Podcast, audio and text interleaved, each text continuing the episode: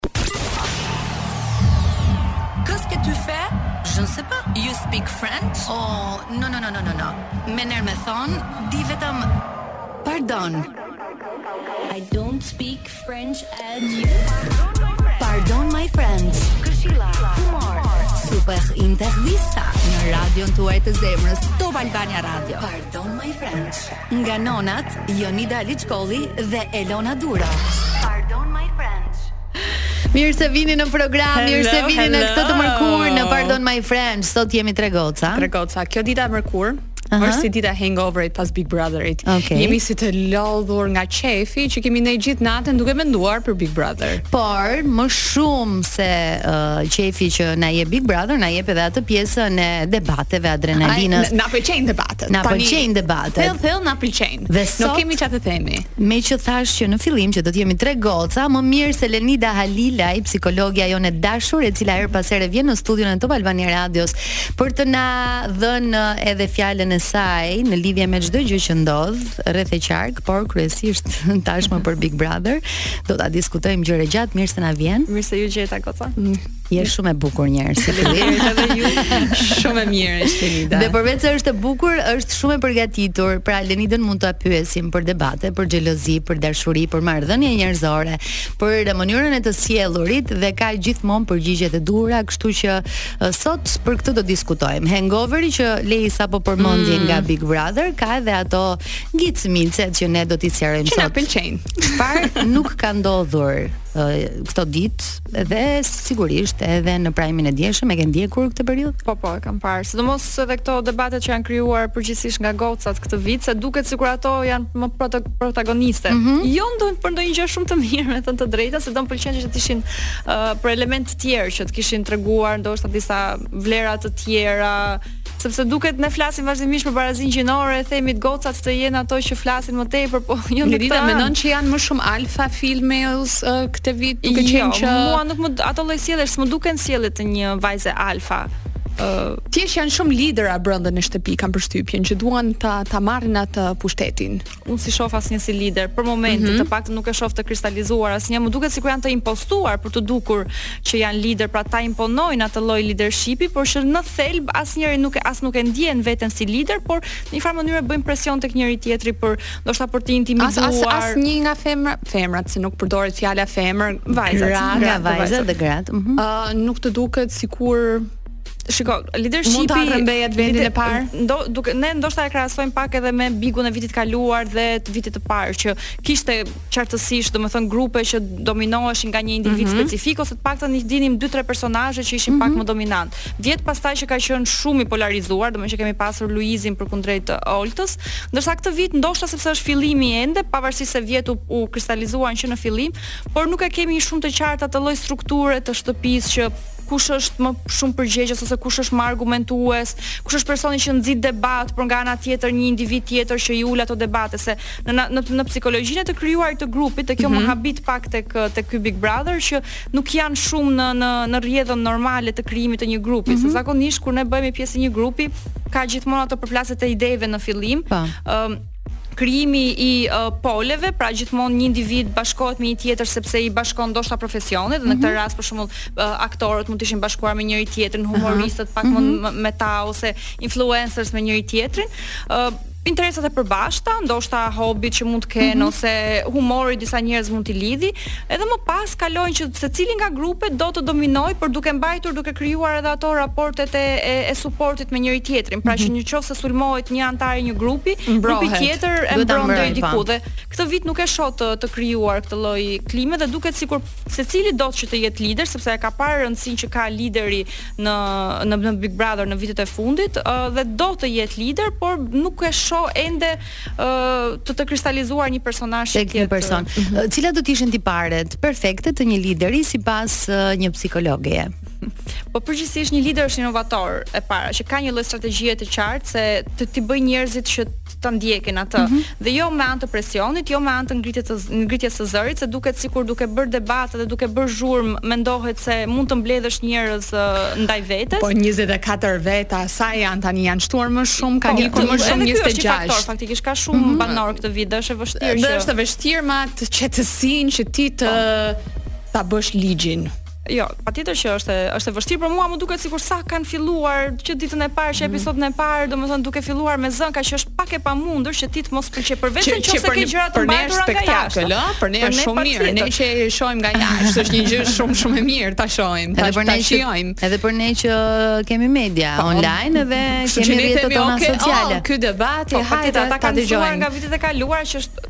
populli spektakël do dhe mm -hmm. besoj se këtë gjë po ia po ia ofron që. A kanë ndikuar uh, rrjetet sociale Lenid sa i përket mënyrës së të sjellurit edhe brenda shtëpisë së Big Brother? Ata e dinë që me një mm -hmm. batutë, me një po. qëndrim, me një ndoshta edhe sjellje agresive ndaj dikujt mund të jenë faktor në rrjetet sociale? Besoj se po, sepse u pa impakti që kanë edhe këto edits të vogla që bëhen në në në TikTok ose mm -hmm. në mhm. për nëpër Instagram edhe më duket sikur ndonjëherë disa pozicione që i mbajnë ose në formën e të folurit ose në uh, intonacionin e bëjnë që ndoshta kanë një lloj mendimi se si do duket ajo në një video kur mund t'i uh, futet në sfond një, një, një muzikë këtu. një muzikë turke.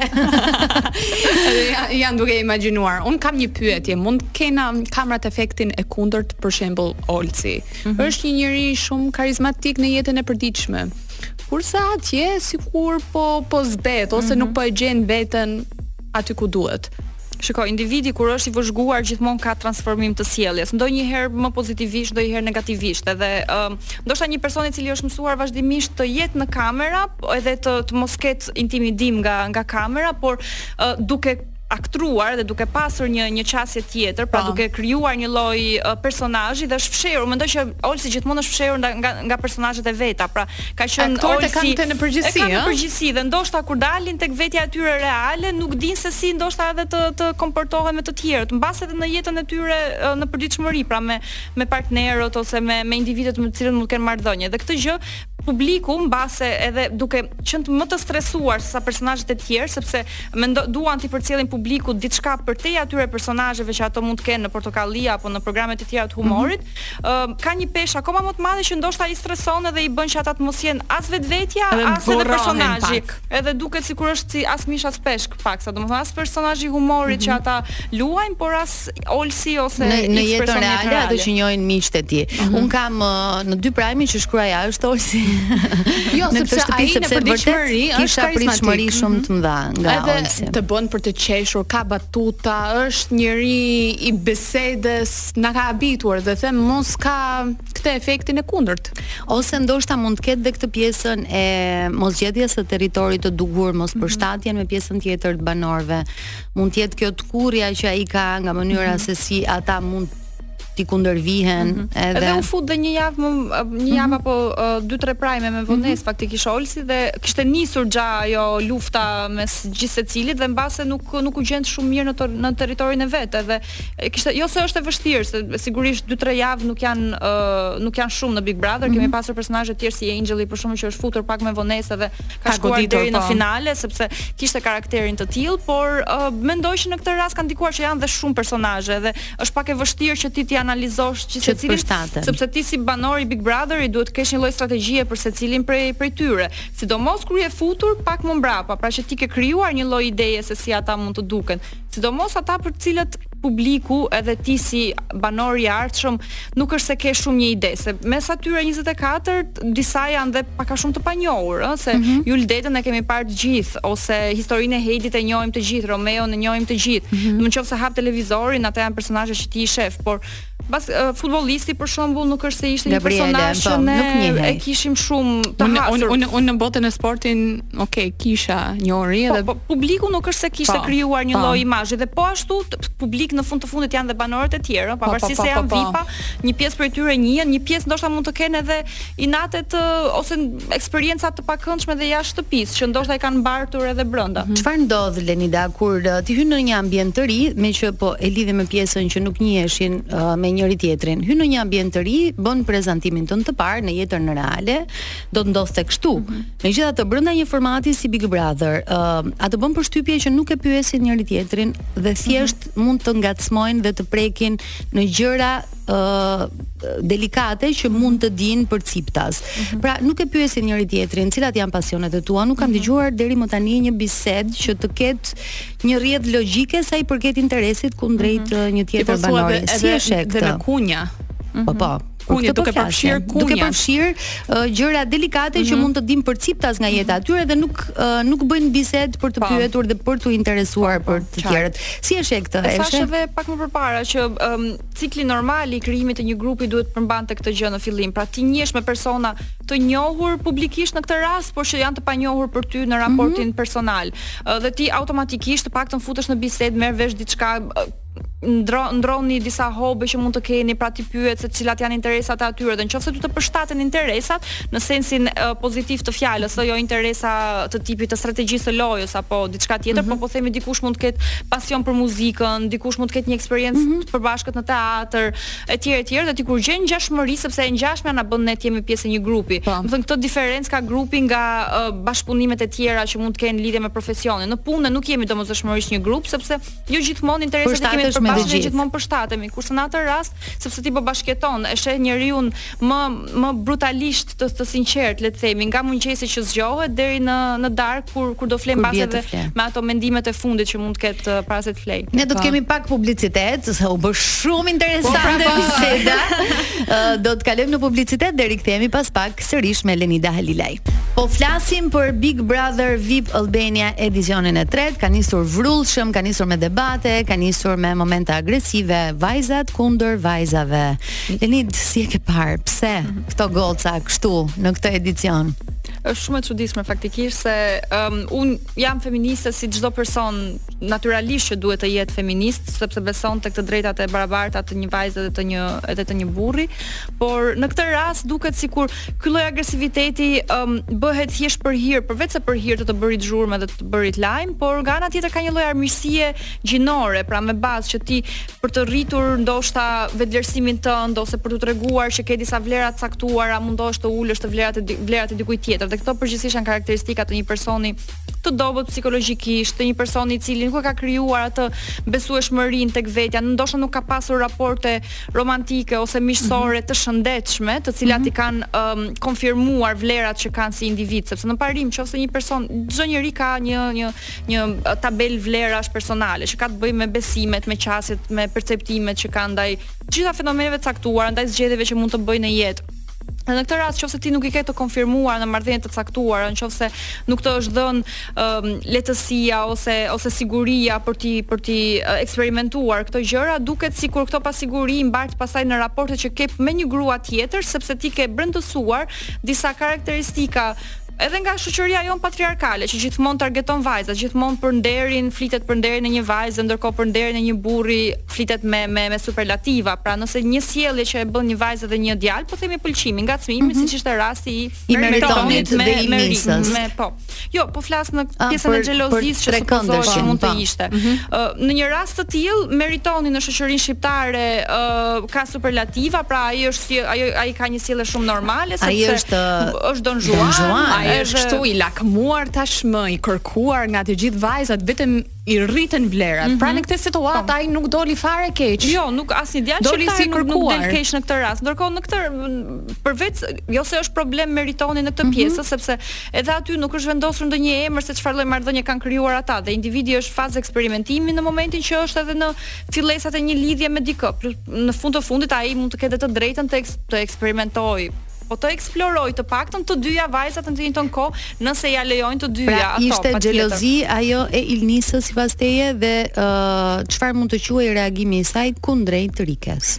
Në atë rast ajo tentoi të ishte territoriale, pra të mbronte atë çfarë çfarë kishte krijuar me me Meritonin, se përgjithësisht ne kur fillojmë një lidhje romantike mundohemi um, duam t'i përkasim dikujt. Ndjes ndjeja nevoja për përkatësi është një nga nevojat bazë të piramidës së, së nevojave që ka individi, edhe duam t'i përkasim një komuniteti, duam t'i përkasim një individi jo në sensin e pronësisë, por në sensin e të ndarit të gjërave dhe të një lloj përbashkimi të mm -hmm. botës shpirtërore të brendshme, se ti ndan intimitetin me atë person dhe intimiteti përfshin besimet, qëndrimet, gjërat shumë të brendshme të të, të shpirtit të individit, edhe Në këtë rast, uh, ajo praktikisht mund t'i ketë hapur zemrën, ka edhe një lloj uh, barriere ndaj lidhjes me Meritonin, nëse besoj ajo është e e, e vetëdijshme se si gjykohet në në në publik. Mm -hmm. Shqipëria është vend patriarkal, është vend që përgjithsisht vajzat i, i dënon edhe sidomos lidhjen në qoftë janë, qoftë është një djalë uh, me një me një diferencë moshe 15 vite me një vajzë nuk është as pak problem, ndërkohë që nëse e kundërta është, është, është, është për vajzat është gjithmonë problematike dhe besoj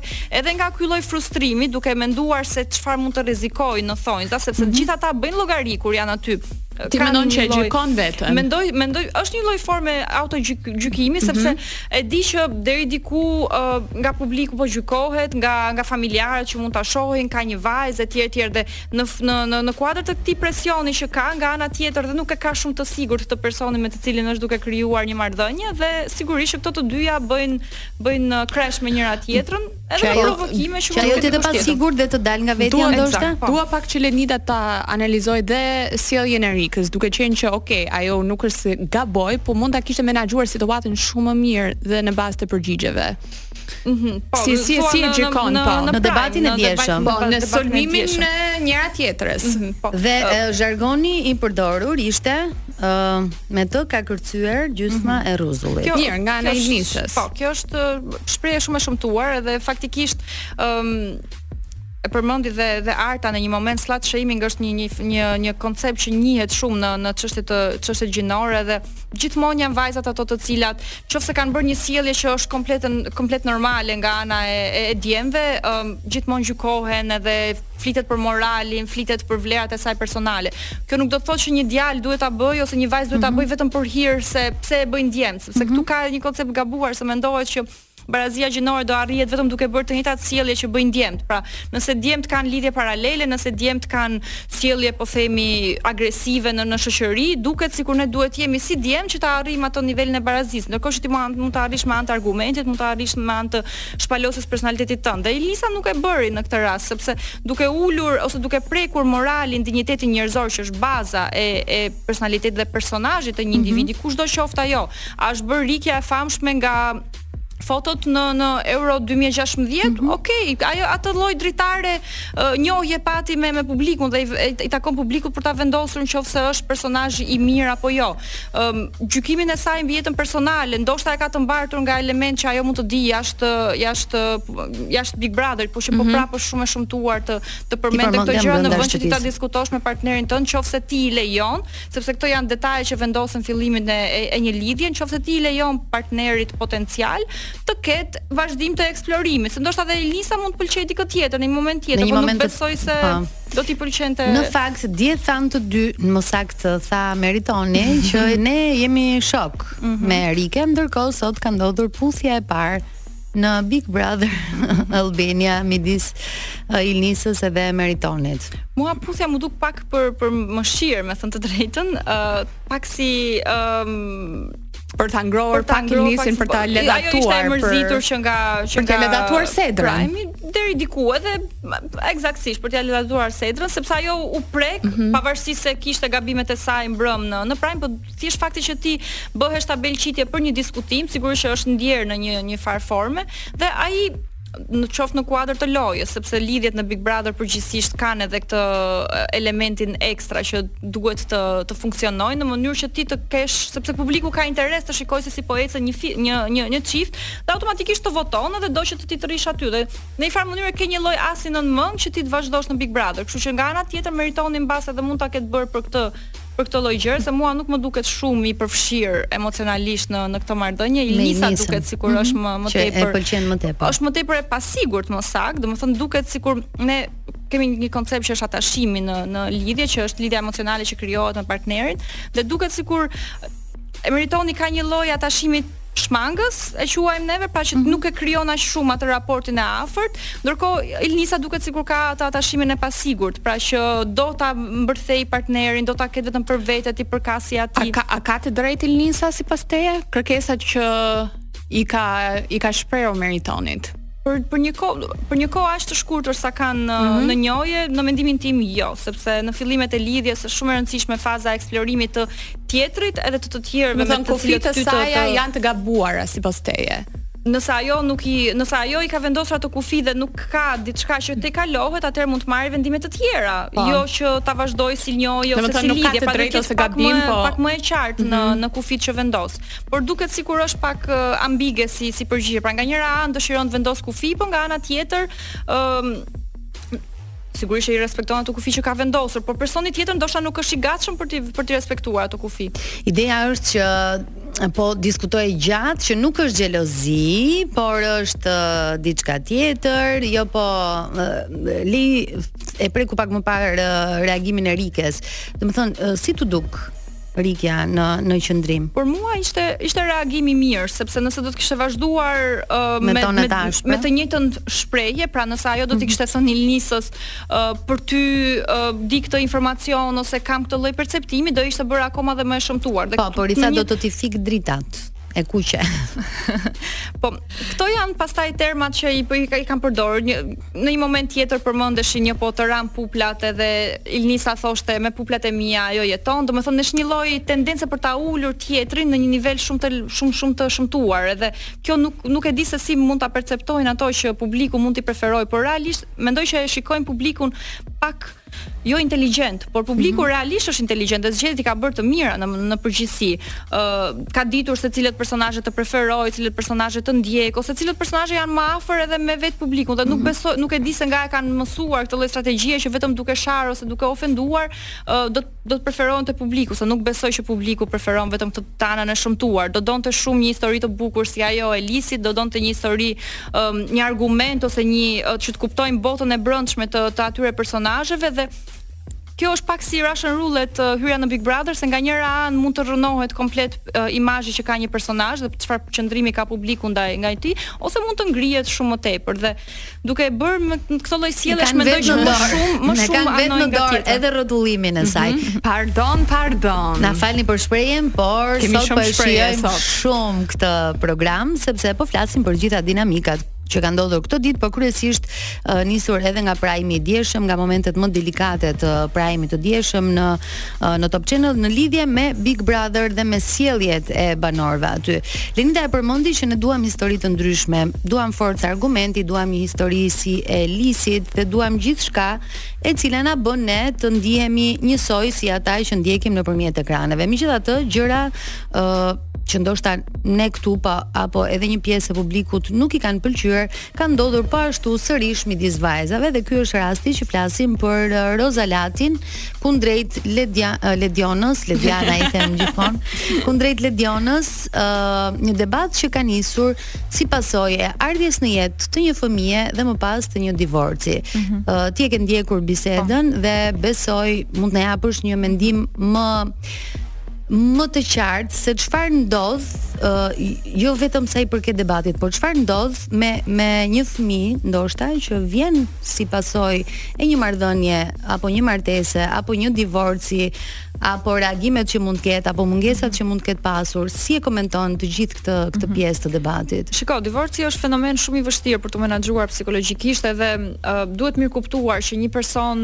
nuk duhet stigmatizuar e para sepse jo domosdoshmërisht një person që vjen nga një familje, nga një martesë e divorcuar, uh, do të thotë që ka problematika mm -hmm. në mhm. lidhje me me modelet e sjelljes, po, se kështu mendohet, domosdoshmërisht, po, eksakt. Midis dy ish partnerëve. Jo domosdoshmërisht si, do modelosh si prindrit e mi që janë divorcuar dhe akoma mbajnë uh, raport një lidhje Shumë të mirë, mhm. takohen çdo javë bashkë, madje më kanë kritikuar Lenide për këtë.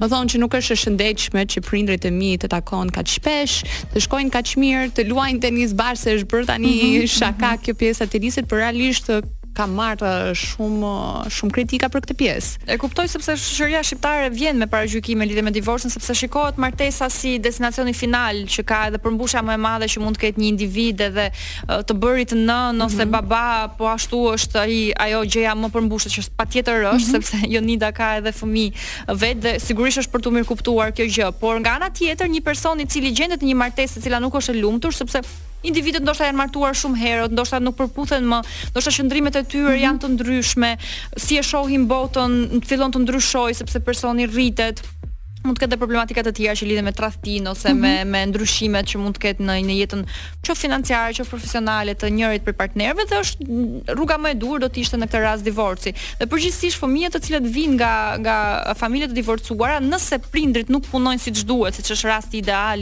i prindërve të Leit që ata të mbajnë marrëdhënie të mirë me njëri tjetrin për të mirën e fëmijës, se në fund fundit ka një lloj projekti të përbashkët, le të themi, mm -hmm. po ta quajmë kështu, po ta ja, po ta heqim jashtë pjesës biologjike që ai është fëmija i tyre biologjikisht, por është një lloj pune ë um, e, e përfundimtare, pra që ata gjithmonë do të jenë të lidhur me njëri tjetrin dhe duhet të investojnë që fëmija më pas të mos bëhet një person i cili mund të mund të bullizojë. Unë e shikoj këtë sjelljen e, e Rozës si një lloj antibullizmi që ndoshta asaj mund të jetë bërë ose kritikave që ajo mund të ketë marrë në më herët, domethënë përveç faktit që mund të ketë dashur të prekë dhe të lëndojë që po prapë është lëvizje shumë e ulët, por nga ana tjetër, fëmijët të cilët vijnë nga divorcet, duke qenë se në Shqipëri stigmatizohet shumë edhe uh, duket sikur është gjë e shëmtuar, sikur uh, nëna ose babai më pas që vazhdojnë jetën edhe kanë edhe familje, ndoshta edhe partner të tjerë, uh, i vendosen epitete të caktuara, sidomos mm -hmm. nënave që kanë fëmijë siç është dhe rasti i Ilnisës, që po thjesht po. fakti që ajo ka fëmijë po penalizohet sepse duhet pse du, pse se duhet të krijojë një një një marrëdhënie në në Big Brother, sidomos me një djalë më të ri. Kështu që në këtë rast unë e shikoj më shumë fillimisht si një viktimë e, e ndoshta atyre komenteve që mund të ketë marrë dikur, po hipotetizoj ëh, se mhm. mbase edhe nuk është rasti i tillë fare, po nga ana tjetër është gjë shumë e shëmtuar që ti të të hedhësh baltë mbi marrëdhënien e dikujt tjetër pa e marrë një lloj um, rrëfimi se si mund të ketë qenë vërtet marrëdhënia e saj me me me partnerin, duke bërë hipoteza të të të, të paqëndrueshme që mund të lëndojnë edhe një fëmijë tjetër, sepse Roza është moshë madhore tani mund t'i përballojë vetë emocionet e saj, mund të mund të argumentojë siç duhet, ndërkohë që në këtë rast mund të prekë edhe një familje tjetër që lëndohet në rastin në fjalë. Mm -hmm. A të duket Roza ë uh, për lojën e përshtatshme, pra e deklaron që unë jam këtu, do t'ju ngacmoj, ë uh, kjo është ajo që unë dua të bëj, pra jua bën të qartë gjërat që unë do t'ju ngacmoj. Pastaj Varet nga ju se sa ia dilni t'i përgjigjeni provokimeve të mia. Jonita mendon që po, unë mendoj jo. Jo, kështu që dua të di. Nuk është lojë, nuk është strategji loje që ti të prekësh pikat e dobëta të një personi tjetër. Jo, flas për pyetje, flas për ngacmime. Ngacmimet pra pyetje jo, pikante, më jo. duket e ekzagjeruar për mendimin mhm. tim nuk po flas për uh, ekzagjerimin dhe tejkalimin e hamendësimeve, mm -hmm. se nuk në këtë rast që do t'i përballonte pyetjet njësoj. Nuk besoj që Roza të përballonte një Roza po, tjetër. Po, por a i a i duhet uh, një formati si Big Brother, një person që ngacmon dhe pyet edhe përtej limiteve. Në perceptimin tim jo, sepse pavarësisht se formati Big Brother është është i bërë um, në televizion praktikisht, po në thelb ata janë qenie njerëzore dhe janë të vënë përballë njerëzve të tjerë, po prapë që kanë një sistem vlerash, kanë një personalitet, kanë një karakter dhe mund të thyhen në momente të caktuara. Dhe si ne në përditshmëri, në punë ose në në shoqëri, mundohemi të ruajmë një bala, një balancë dhe të mhm. filtrojmë pak gjërat se si i themi, duke marrë gjithmonë në konsideratë aspektin psikologjik, mënyrën se si është rritur personi tjetër, nga çfarë familje vjen, çfarë fëmijërie mund të ketë pasur, edhe ka një fije shumë e hollë që e ndan të qenurit i sinqertë ose provokativ për të arritur një qëllim të caktuar, Përkund nga ana tjetër që mund të jesh i ë um, i patakt. Edhe mm -hmm. të qenurit i patakt shpeshherë mund të mund të sjellë pasoja emocionale. Si e shpjegon këtë sjellje këtë sjellje të Rozës që thotë më bezdis buzëqeshja e Heidit. Domethënë si mund ta shpjegosh këtë?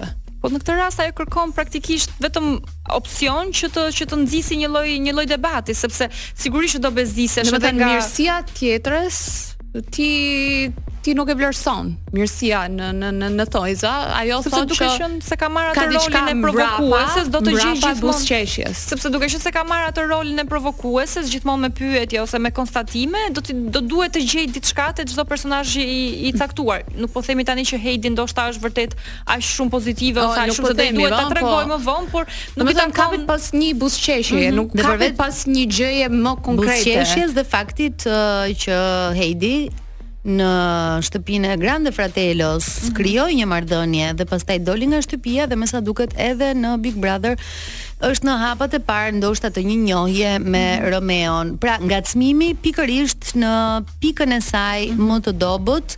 A mendon se ishte e duhura nga ana e Rozës apo mund ta kishte menaxhuar pak më ndryshe? Mhm. Dhe po. dhe a është personi Roza që mund të përballojë provokimet ashtu sikurse i bën ajo, nëse do t'i bëheshin asaj. Si e sheh jo, ti me syrin tonë? Nuk e shoh, sepse reagimi që kishte ndaj Ledianës në lidhje me divorcin vinte pikërisht pas një një fjale që i kishte thënë uh, Lediona uh, në lidhje me të qenurit fëmijë pa dashuri, që po po prapë edhe ai është konstatim i shëmtuar nga nga ana tjetër. Por um, nuk i takon Rozës ose asnjë personazhi që të provokojë një person në lidhje me eksperiencat jetësore ose me me gjërat e tjera, sepse i bie tani hip se të vrava, zbrit se të vrava. Të jesh pozitive, problem se ka diçka që fshihet pas buzëqeshjes, mm -hmm. pas mirësisë, pas lidhjeve romantike. Të mos krijosh lidhje ose të mos jesh person i tillë të jesh vazhdimisht grindavec edhe të krijosh situata po prap është problem sepse je intrigante etj etj.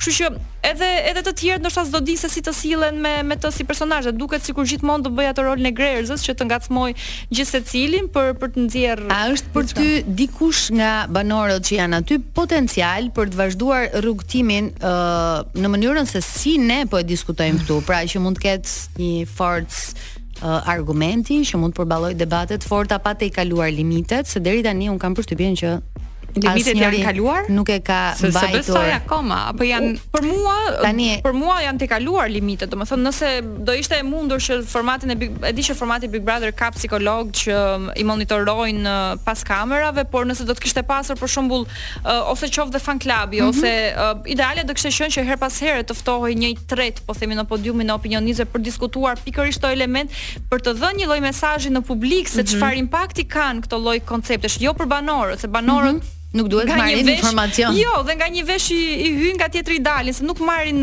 nuk nuk i marrin për për për nuk i përballojnë um, uh, njësoj të njëjtat situata. Ne përsëri do vazhdojnë të njëjtat uh, akuza ndoshta, por është e rëndësishme për publikun që të mësojë që nëse ti ke një problem me personin që po ngacmohet i dashuri jot, të mos merresh me vajzën, edhe ta po ofendosh me, me jetën e saj personale, Edhe me partnerin, merru me veten tënde njëherë se çfarë qëndrimi ti ke ndaj kësaj situate. E njëjta gjë si nga ndaj situatës së Rozës, nëse ti nuk ke um, argumentuar dhe nuk ke trajtuar ato mm -hmm. krizat e tua të brendshme ose plagët që mund të kesh nga një eksperiencë jetësore, nuk ke pse ta projektosh tek dikush tjetër, ndërkohë që uh, i shkakton stres psikologjik. Roza është e lënduar thellë thellë Unë mendoj që patjetër që po, ka impakt shumë të madh ë divorci në jetën e një fëmije. Përpos divorcit, po mund mund të ketë ndonjë rast nga një lidhje, nga marrëdhënie të tjera, po. është për momentin e ndjeshme emocionalisht sepse ka pasur humbje. Humbje në të dy qenve në po, fakt. Po, të qenve, është gjykuar për këtë pjesë sepse ë e shikoj edhe nëpër komente që ka njerëz që thonë ti sa sa kujdesesh për qen, ndërkohë me njerëzit sillesh keq, Edhe uh, ka pasur vazhdimisht në, në është është është mm -hmm. gjendur në në debate të ndryshme për për sjelljen e Rozës, por um, ajo është realisht personazh uh, televizioni që i duhet televizionit në këto lloj sjelljesh që bën, por mendoj për mua që i kalon caqet e një personi që kujdeset paktën për për mirëqenien emocionale të personit tjetër se fundja po. është Big Brother, është lojë, justifikimi me me me me sensin e lojës dhe me fitimin e atij çmimi nuk ka pse të bëhet në kurriz të gjendjes emocionale të dikujt tjetër, se kemi parë në Big Brother më përpara që shumë persona nuk e kanë përballuar dot, edhe kjo është normale se pikërisht ky është sensi i Big Brotherit që ti të jesh me njerëz të ndryshëm, të bashkëjetosh me ta, mm -hmm. edhe jo domosdoshmërisht të bësh gjithçka në kuadër të lojës, po ti mëson të rrish me me persona komplet të ndryshëm nga vetja jote, të bashkëjetosh edhe të në fund kush e bën lojën më bukur, lojën në thonjëza, lojë njerëzore, jo lojë po. për për spektakël televiziv, se këtë mhm. mendoj që bëjnë ata shumë. Ngritja e zërit do të vazhdojë për disa minuta, ne do të shkëputemi edhe një herë për një hapësirë publicitare. Tare. Vazhdojmë të flasim sërisht për gjithçka ka ndodhur në Big Brother VIP Albania parë në një tjetër këndvështrim, në këndvështrimin e një eksperteje si Lenida Halilaj, psikologja jonë e dashur, e cila nuk nguron të japi opinionet e saj në lidhje me temat që ne diskutojmë në radio. Do ndalem tani Lenid tek uh, temat e debatit. Domethënë të gjitha le të themi mënyrat e agresionit, le t'i quajmë kështu, janë shfaqur për tema tejet banale. Mm -hmm. uh, cilat prej tyre kanë qenë për ty të dala nga hiçi dhe që mund të ishin evituar shumë shumë mirë?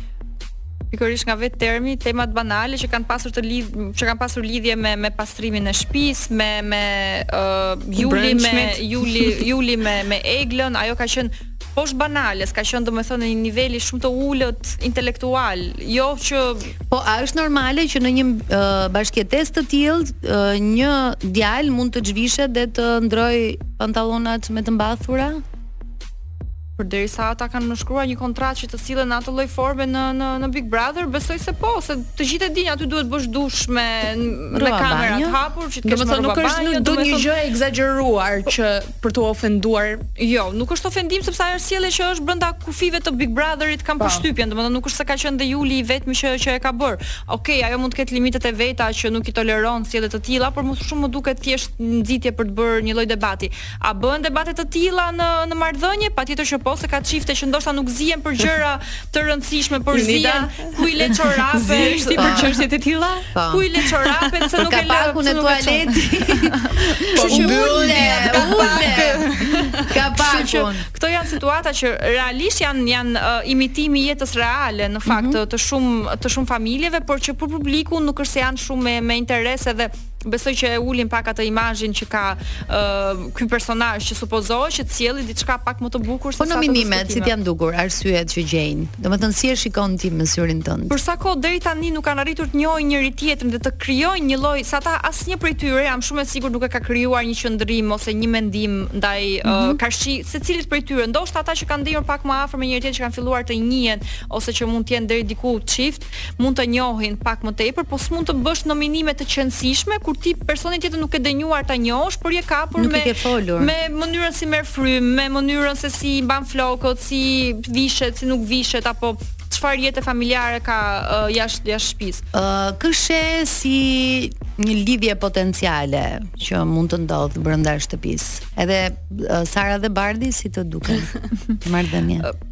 Bardhi, Sara më duket më dominante se ai. Bardhi është ai djali, më kujton pak, pavarësisht se nuk është në karakterin e Enxhelit Sara, mm -hmm. por mhm. pak a shumë Dagzi që i shkon që ishte nga mbrapa, po më i tërhequr dhe më i dashur, më i dhembshëm ndaj ndaj Enxhelit, edhe duket sikur Sara kërkon pak më tepër protagonizëm, por Bardhi është pak më më më i dhembshëm, më i dashur. Romeo me Heidin më duken simpatikë me njëri tjetrin, mm -hmm. nuk i shoh um, tendenciozë, nuk i shoh për të bërë show, sepse show më duket më shumë i Ilnisës me Meritonin, pra që duan vëmendjen gjatë prajmit të flitet mm -hmm. 40 minuta për ta, ndërkohë që uh, Heidi me Romeon nëse ka një lloj pëlqimi që do duhet uh, të shihet në prajmet e tjera, por uh, deri tani të paktën nuk e kanë përdorur për të fituar mhm. vëmendje gjatë uh, Beson në lidhje dashurore në reality show? Besoj besoj që mund të ndodhin sepse Ndodh, kur ti je pa, po, ka ndodhur ka fakte, por edhe uh, fakti që ti rri 24 orë me mm -hmm. një mhm. person aty, një diçka që ti nuk do e njihje ndoshta në në date, ne kur dalim në një date uh, për të pirë diçka ose për të ngrënë diçka, impostohemi në versionin tonë më të mhm. mirë. Mm -hmm. Edhe duhen shumë javë, ndoshta edhe muaj që ne të shikojmë ato pikat që nuk na pëlqejnë ose që ndoshta nuk e gjejmë veten tek tek partneri potencial. Ndërkohë që në Big Brother mm -hmm. ti duke qenë se fle me të, e shikon gërhet, nuk gërhet, e shikon si vishet, sa i pastër. Në fakt është një vend shumë i mirë me gjet burrë tani që mendoj. tani duhet të ishe futur Leila. Sepse duhet të ishe futur t'i gjeje aty edhe u hu po, brenda një muaj. Është madje dhe me shpenzimet e Big Brotherit madje. Ah, ah. Mund bëhet dhe dasëm. Mund bëhet dhe dasëm Leila. Mendoje se nuk ke, nuk kohë. E kishe sistemu si muhabet Ideja është që uh, lidhjet e Big Brother Ata që kanë funksionuar dhe vazhdojnë të jenë Janë bërë me fmi dhe uh, Merren si shembuj edhe nga mm -hmm. banorët që janë tani Rasti i Sarës që tha Këtu janë me fmi, kanë dalë, këta dyshojnë uh, Kemi pasur qifte E sheh si një marrëdhënie që mund të zgjasë Midis tyre? sigurisht nëse mbahet në nëse ka filluar pastërtisht, pra që realisht ata persona pëlqejnë me njëri tjetrin edhe kanë gjenë diçka të përbashkët mm -hmm. tek tek personi tjetër, sigurisht që mund të funksionojë. Por duke qenë se bumi që bë jep Big Brotheri në në publik edhe një pjesë prej tyre, më duhet ta them, unë mendoj që futen për për famë në në Big Brother, jo vetëm për eksperiencën e të mhm. qëndruarit me 20 njerëz të tjerë. Mm -hmm. Kështu që nëse ti futesh për famë, do bësh gjithçka për të bërë atë famën që ti, dhe mbase ndoshta pas famës kur të kesh dalë, mm -hmm. mund t'i vendosësh gishtin edhe të kesh ndoshta mundësi më të mëdha zgjedhje edhe në aspektin romantik por uh, në rastet që ti uh, e ndërton një lloj marrëdhënie pa pa pritshmëri, siç ka ndodhur mm -hmm. më përpara në Big Brother, në Big Brother, pra që duket nuk ka qenë strategji për për të vazhduar në lojë, besoj që mund të funksionojë edhe më pas. Është mm -hmm. shumë nice. Lenita? Apo është ty? apo në përgjithësi? Në përgjithësi, të gjitha pa. mendimet që që thotë, domethënë më japin një kënaqësi shumë të veçantë përgjigjet që jep sepse i argumenton dhe i shtjellon në mënyrën më të qartë të mundshme që edhe ata që nuk e kanë parë ndoshta prime-in dje apo situata tashmë e dinë se çfarë ka ndodhur dhe çfarë po ndodh në shtëpinë më të famshme. Po ndodh. në Shqipëri. Unë në fakt komentin e Prime-it e shoh edhe nga storit e tua në Instagram. Unë kam unë kam zgjedhur që t'i bëj me humor komentet e mia. Megjithatë, na duhej vërtet një mendim nga një psikologe, nga një profesioniste e cila e sheh në një tjetër këndvështrim të gjithë lojën edhe të gjithë show-un që ne e shijojmë lehtësisht nga nga kolltuku. Ë uh, ti vetë do ta provoje si eksperiencë? Jo, nuk nuk e besoj që do përshtatesha. E para sepse besoj do më shfrytëzonin shumë për për terapi falas, siç e bëjnë.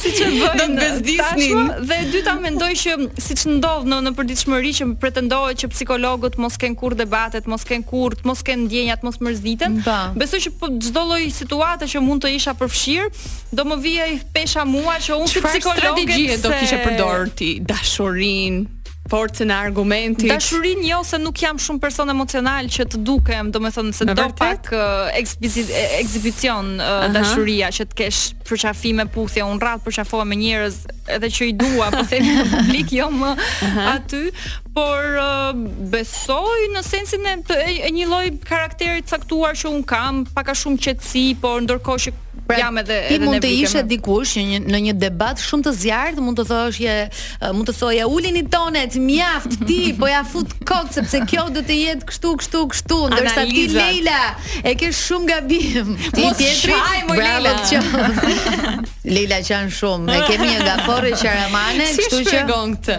një person që qan ka qenë meqenëse përmendëm shpërthim këtu në studio. Me që me që po bëjmë një terapi në grup.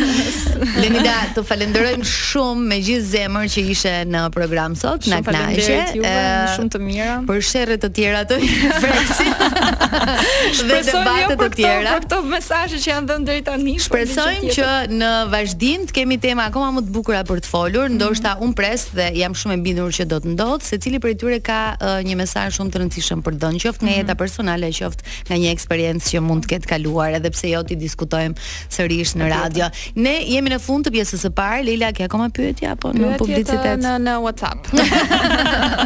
Ja ku jemi në pjesën e dytë të programit, ju thamë që do të kemi një të ftuar shumë special edhe në këtë pjesë të dytë, është pikërisht Mal Retkoceri, Ret koceri. Retkoceri, nuk e mësova kurrë mbiemrin e tij. Ë, uh, do më falë. Mal është emër shumë artistik. Kështu që Mal do i thërrasim, është um, një artist i ri i cili edhe pse ka një tjetër profesion, uh, zgjodhi uh, botën e artit, zgjodhi botën e muzikës, zgjodhi botën e të krijuarit. Rastësisht. Rastësisht, sepse edhe talenti se vjen edhe nga një Ok, po sigurisht, po me, me, me këngën e parë që bëri, goditi. Goditi, kështu që, që si do të jetë rrugëtimi i tij më pas. Ka shpresë ende për mua, mund të godas dhe unë me një këngë. Vazhdo shpreso.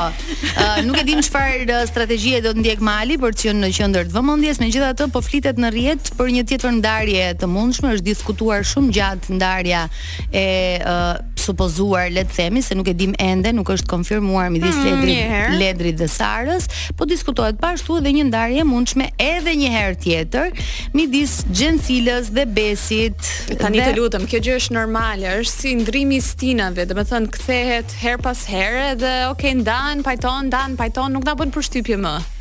Ndërkohë ka nisur në dhjetor të dy mijë e njëzet e dyshit Lei dhe uh, njerëzit po mendojnë që është një tjetër strategji.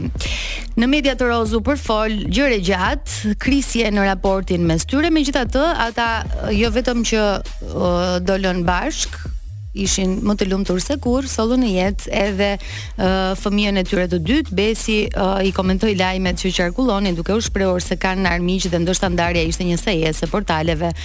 Edhe uh, nuk vendosi fare që uh, t'i kundërshtonte thjesht uh, ishte i prekur nga e gjitha ajo që po ndodhte. Me, megjithatë, mediat kanë bërë një zbulim të fundit, mediat online që rrëmojnë në po, rrjetet po. sociale, mesa duket nuk po ndiqen me njëri tjetrin, por një pjesë e mirë e fansave të tyre mendojnë që edhe kjo është një strategji, ndoshta Xhencila po përgatit diçka. Dhe që ata nuk i ndjek shumë njerëz në Instagram, kështu që Instagrami nuk, nuk do të thotë që ti nuk ke marrëdhënie me një person, thjesht Instagrami është bërë më komercial, Mm -hmm. Edhe mhm. gjërat më personale kalojnë në një Instagram tjetër ose nuk është fare nevoja, mund t'i shohësh në shtëpinë fotot e njëri tjetrit. Mhm. Mm më kupton? Uh, për më tepër që ti ke atë profilin që nuk më ndjek as mua, kështu që jemi jemi në rregull bashkë. Jo mos u kap pas këtyre hollësirave. Uh, ti si mendon, a është një strategji, strategji ndoshta kjo? Jo, po thjesht e mund zihen, pajtohen, zihen, pajtohen dhe është normale, domethënë uh, pas çdo zënke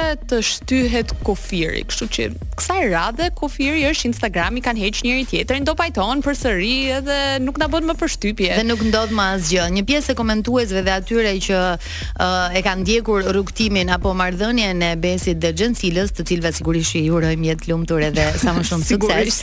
uh, mendojnë që mund të jetë një strategji duke qenë se uh, Xhencila sapo ka publikuar një këngë dhe me sa duket po përgatitet që të sjellë një album të ri dhe mendojnë që mund të jetë një strategji PR-i për uh, të sjellë në vëmendje edhe një herë uh, projektet projektet që ajo ka apo edhe Besi mund të ketë. Pra, të flitet një herë për ata të dy që përflitet apo përflitet edhe nuk është gjë e keqe. Dhe pastaj që... të publikohet diçka që mund të jetë e përbashkët apo No publicity is bad publicity, por uh, Ideja është që po, jo si strategji, nuk besoj që e kanë bërë enkas për albumin, por është një plus i madh për për emrin e tyre. Mm -hmm, që të që të flitet po, përpara. Po që të qarkullojë sa më shumë dhe të promovohet një album i ri, pse jo? Nëpërmjet jo. ndarjes. Domethënë ti je pro.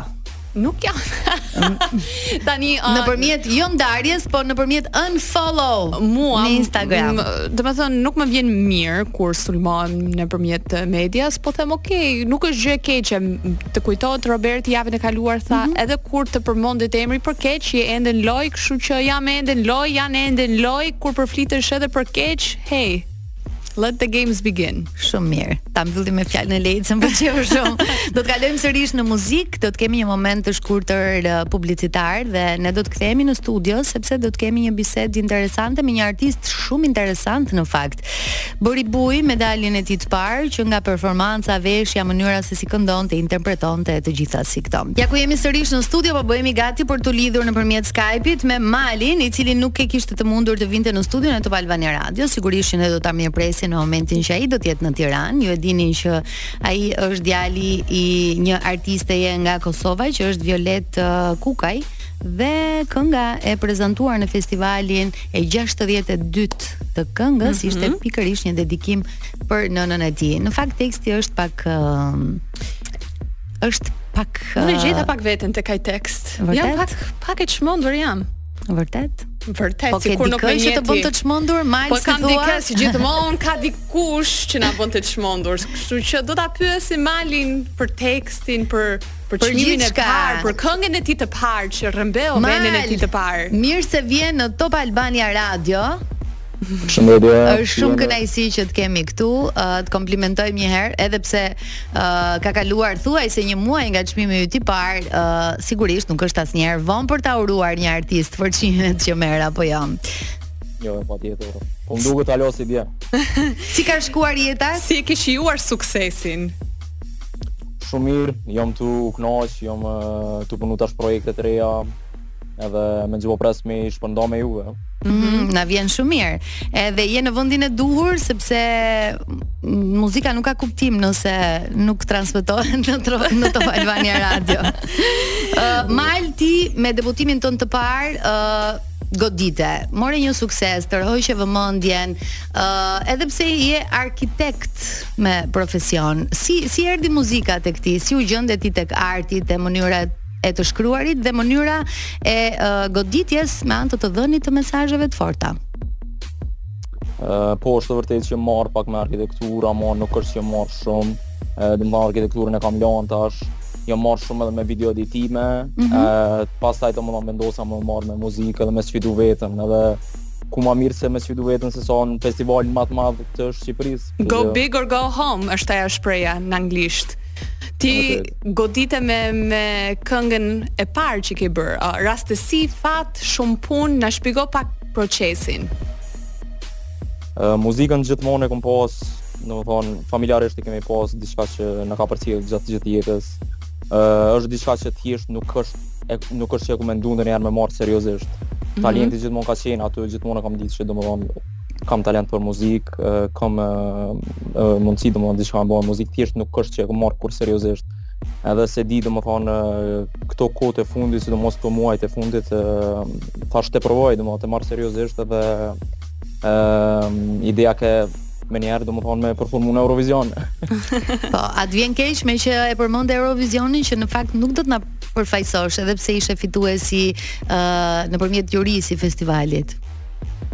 Po shumë shumë jam domethënë çdo çdo natë kaj. Me thënë të jo, jo. drejtën, performanca jote ishte shumë eurovizionare në sytë e mi. Ishte, ishte. Ishte shumë artistike, jo vetëm vizualisht, po edhe uh, mesazhi që kishte kënga. Mal, a është kuptuar në fakt uh, e gjithë ajo që ti doje të transmetoje në publik?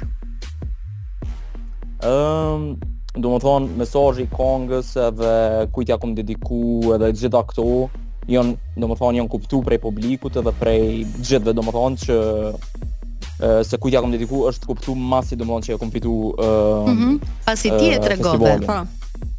Po, domethonë, nuk është di deri në atë moment, edhe kom dashtë që domethonë që mos m'u di deri në atë moment. Mm -hmm. uh, edhe nëse, nëse s'kisha fitu uh, kurrgjë, domethonë, ose asnjë çmim, Uh, ndoshta nuk e kisha tregu kurrë uh, ke diçka e mirë që kom dashtë me tregu edhe m'u ka duk momenti i duhun që nëse marr një çmim uh, me tregu në atë moment uh, kujt ia kom dediku edhe për çka është edhe domethënë me ju tregu njerëz të tjerë që me pas shpresë në se domethënë uh, e gjeni veten te teksti ose te konga domethënë ka qenë diçka që është bo perfekte pak pa dashje, edhe që kom dashtë, me, me, me dashtë, edhe që ndodhi.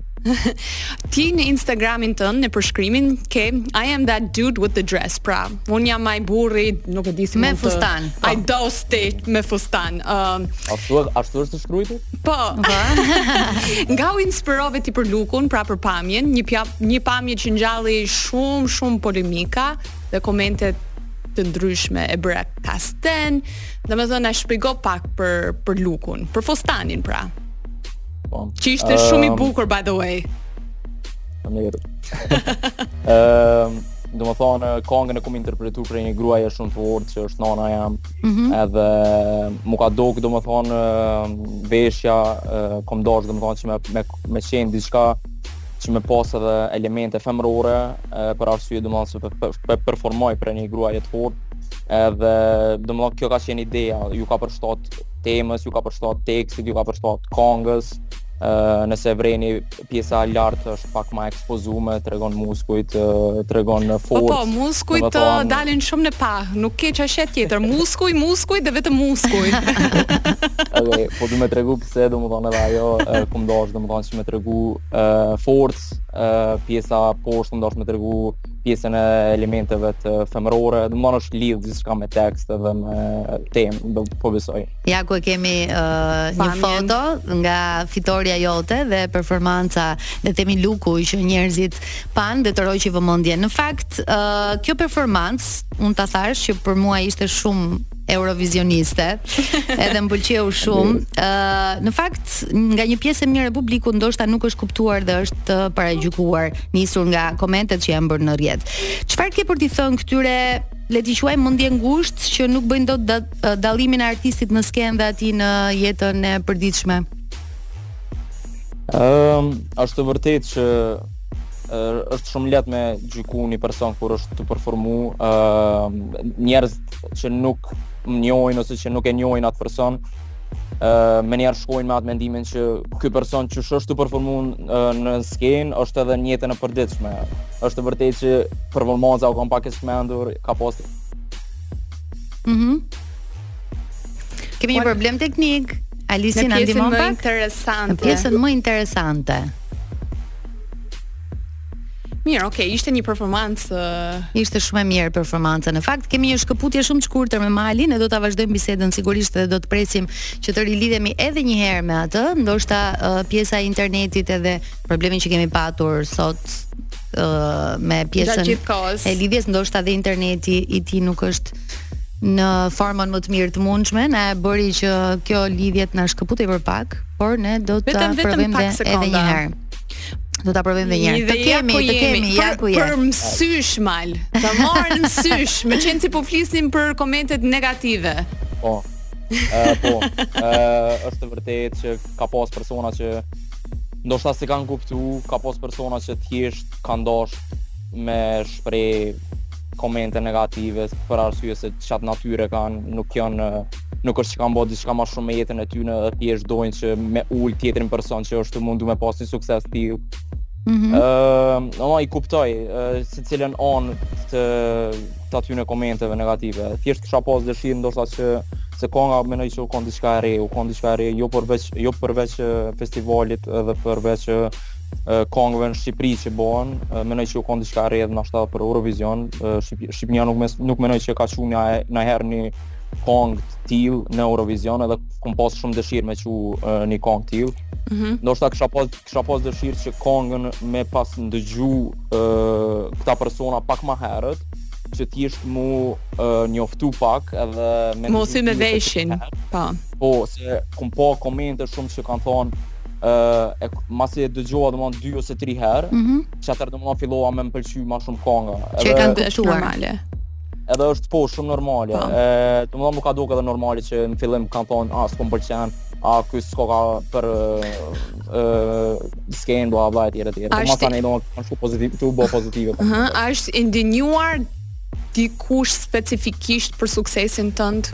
A është zhgënjyer pra për suksesin tënd? Ndonjë person që nuk ka patur besim tek ti i është dukur absurde që ti të shkosh direkt në festival për herë të parë Uh, jo, nuk është që e kum diskutu shumë uh, këtë punën e festivalit me përveç familjes. Mm -hmm. Domethonë, as as, nona nuk e ka ditë, as kërkush domethonë që po du me apliku në festival, deri në ditën e parafundit. Uh, që ke aplikuar. Që, që kam aplikuar. Domethënë ti që ke mos... plot surpriza, askush nuk të ka dekurajuar.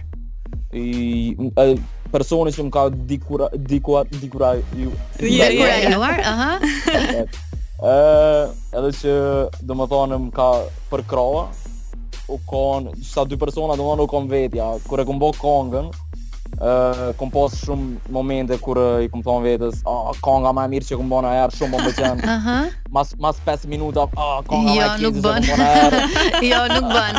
Mal. Po besoni, unë vet jom kon ky person. Mal, ne uh, kemi ende uh, për të folur së bashku, por uh, duke qenë se jemi në transmetim live, na duhet të shkëputemi për shumë pak sekonda për pak publicitet dhe do të rikthehemi sërish bashkë. Ja ku jemi sërish Mal. Faleminderit që na erdhe në radio nëpërmjet uh, kësaj lidhje të drejtpërdrejtë. Me thënë të drejtën, kam pasur shumë dëshirë të të kem në studio që pas fitores tënde, më je dukur shumë i veçantë në stil edhe kur lexova pastaj që ti ë uh, kishe studiuar arkitekturën edhe papritur vjen në festivalin më të rëndësishëm dhe fiton, ishte një gjë shumë wow. Inspiruese. Po, të gjitha. ishte shumë ishte shumë uh, inspiruese për çdo artist të ri që ka një synim të qartë në jetë. Megjithatë, unë do doja të të pyesja pak në lidhje me këngën tënde. Kënga uh, titullohet Zemrën n'dorë dhe ti the që ja ke dedikuar nënës tënde dhe aty ka pasur uh, goxha pjesë nga ajo që ka përjetuar dhe ka kaluar nëna jote, por do të doja të të pyesja çfarë nuk di ende publiku, Mal. Uh, besoj që kom tregu mjaftueshëm uh, uh, tek konga, tek teksti, ë besoj që kam dasht që me tregu mjaftueshëm sa me qenë rahat nana edhe po besoj ja kam arrit qëllimit edhe po besoj që ka mjaftueshëm që publiku me kanë mhm. nosën me I kënaqur dhe edhe i përfshirë se është një mhm. mesazh vërtet shumë i fortë. Po. Edhe uh, komplimenta po, për komplimenta për temën sepse uh, jo shumë artistë mund të prekin uh, dhe të transmetojnë uh, tema delikate edhe kur e prekin, pastaj në intervista thonë që jo nuk është e imja, e ka bërë tekstshkruesi. është një histori që nuk më përket. Kështu që ti zgjodhe që ta thoje këtë. Po ka qenë ka qenë shumë e rëndësishme domethënë me tregu këtë pjesë, po ka qenë edhe e rëndësishme siç e thatë edhe ju me u transmetu te publiku. Ë dëshira jem ka qenë që askush domethënë mos me u lidh tek konga, tek teksti, po ka pas shumë persona që janë lidh dhe m'kanë shkrujt në mesazha në Instagram. Edhe m'u ka duk shumë e çuditshme që tu m'shkrujt mu, ë, domethënë tu m'tregu raste specifike t'tyne që ju kanë ndodh gjatë jetës. Mal, po.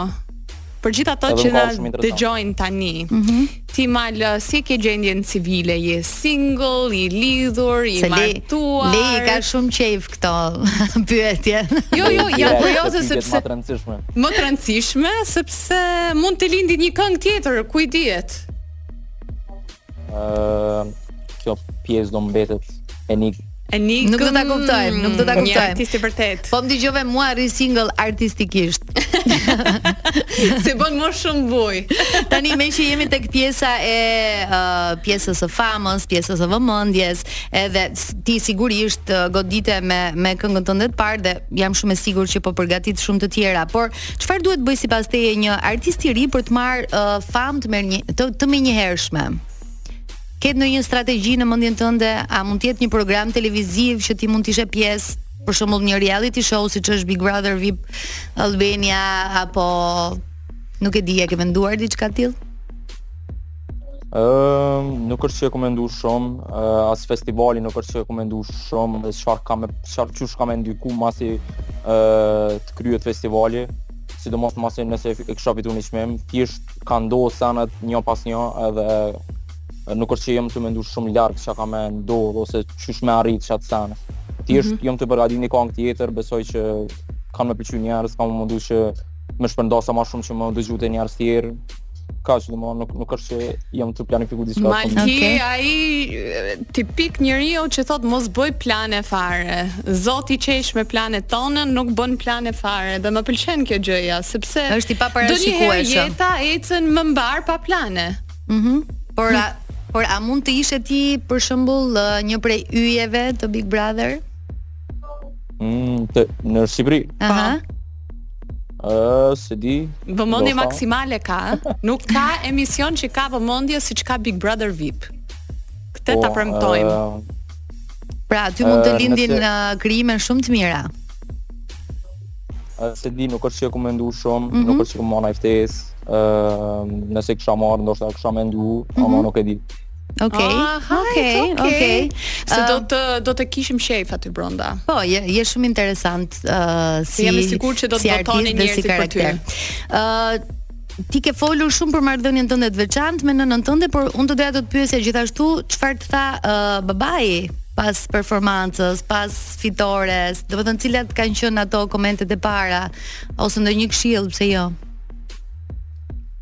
Kjo do mbetet tani Okej. Okay. Ua, sa misterioz.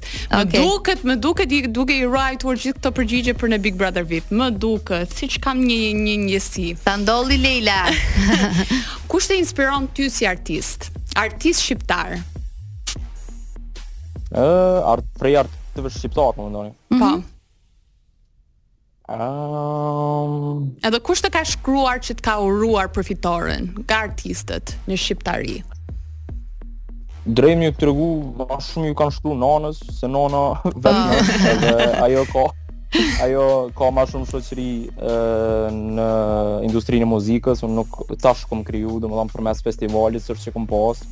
Mm -hmm. uh, ka pas artistë që i nana i ka uh, edhe shokët dhe shoqet që mm -hmm. i mhm. kanë shkrujt edhe ia, ia kanë uru um, për mu personalisht ma shumë kanë shkrujt uh, persona që i kom njoftë se sa mm -hmm. artistë shumë shumë të mëdhaj Megjithatë ti pate një marrëdhënie shumë uh, ndoshta shumë të ngrohtë edhe pas festivalit me Besën e cila do të përfaqësojë Shqipërinë në Eurovision pra ju bëtë ato takimet kishit komente për njëri-tjetrin apo ishit aq të hapur sa t'i thoshit njëri-tjetrit që shiko kënga jote ishte shumë e mirë, më pëlqeu ose dëgjo se unë mund të isha pak më mirë se ty edhe mund të isha unë ai që do shkoja në Eurovision. Uh, kur kemi majt prova, mm -hmm. uh, në provat e para, domethonë, Uh, ai ka qenë momenti i parë që jemi taku me Besën.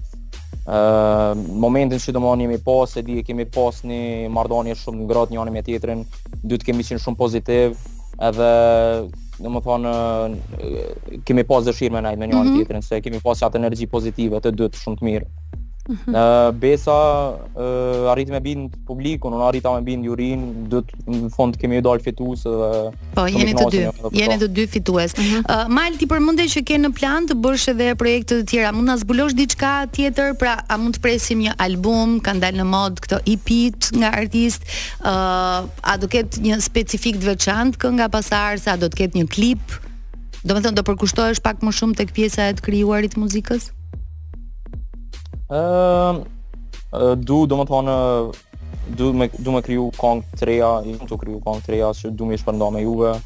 Ëh, uh, po prap ma e rëndësishme ka me qen për uh, në fund vitit uh, prap festivali 63. Mm -hmm. do futesh përsëri. Ah, do marrësh sërish pjesë, shumë mirë. Mhm. Mm po, edhe domethënë, edhe pse domethënë kam uh, du me provu me qit uh, kang ma përpara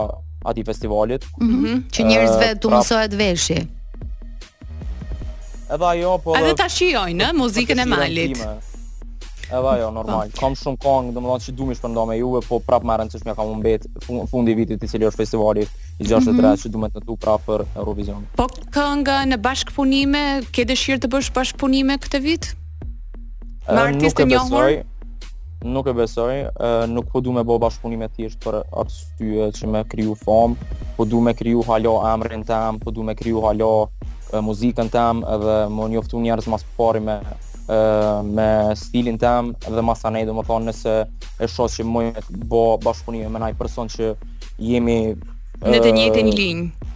Po, atëherë kisha bo bashkëpunime, po në fillim jo, jo në fillim jo. Domethënë, synimi yt është të çosh Shqipërinë në Eurovision.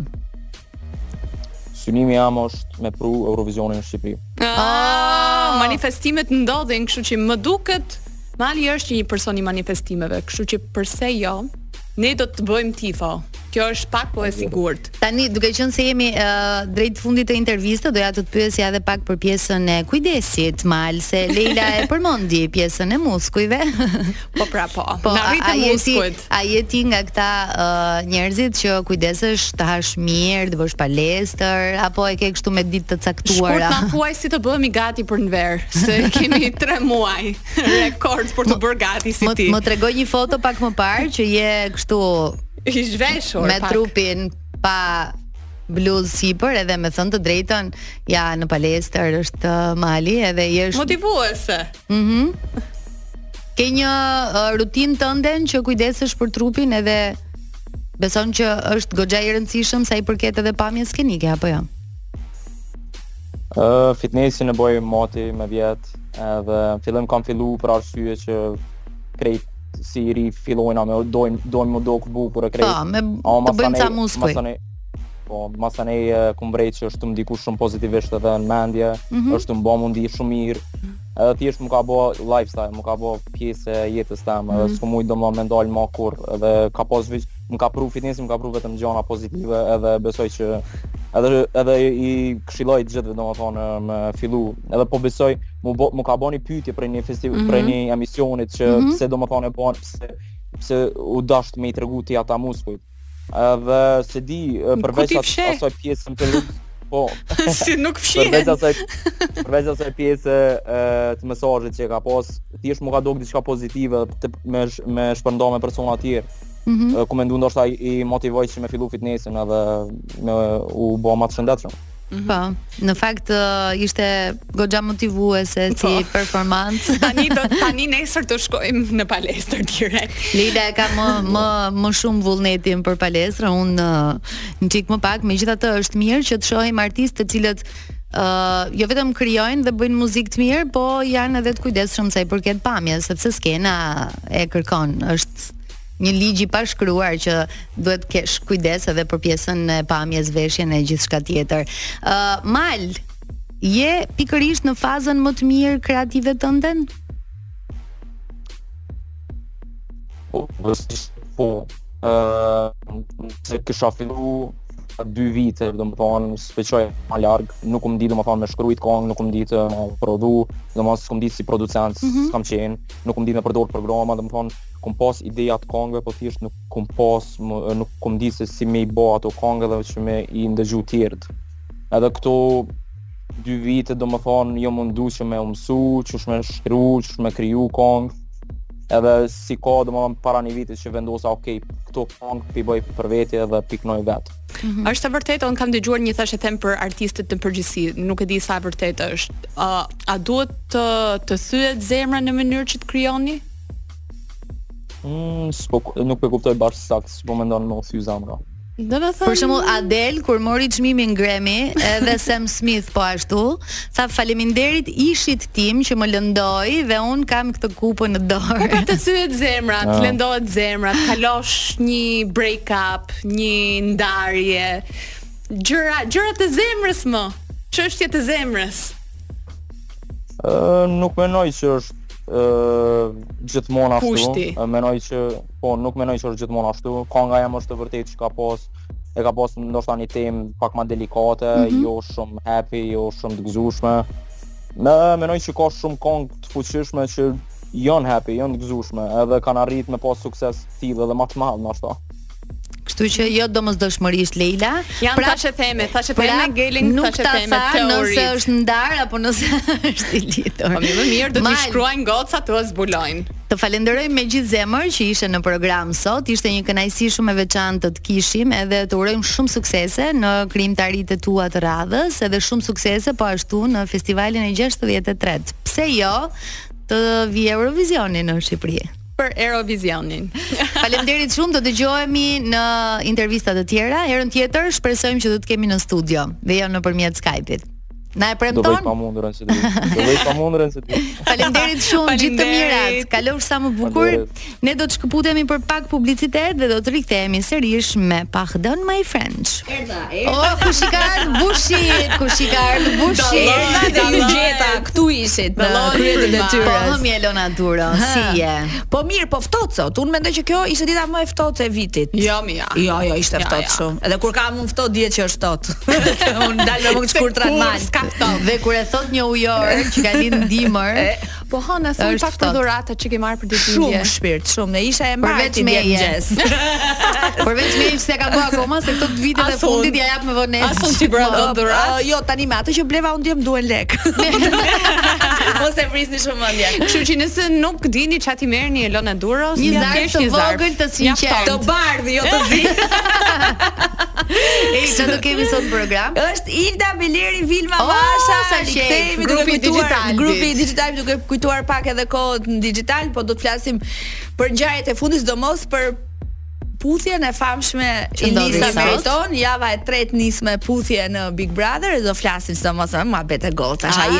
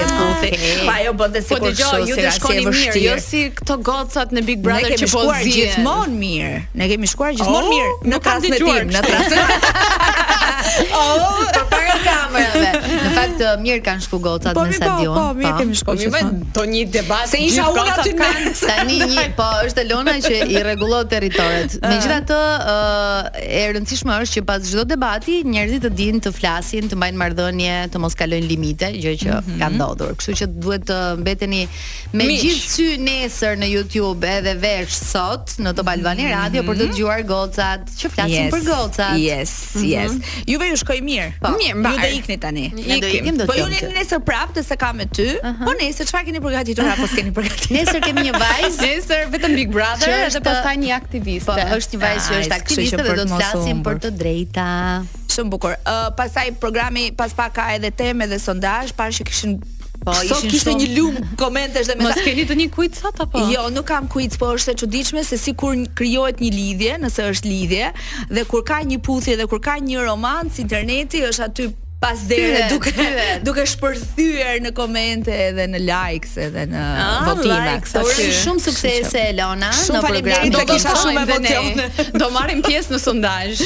Edhe ke bërë shumë mirë që i mblodhe gocat e Digitalbit. Ne po largohemi, dëgjohemi javën tjetër me Pardon My French.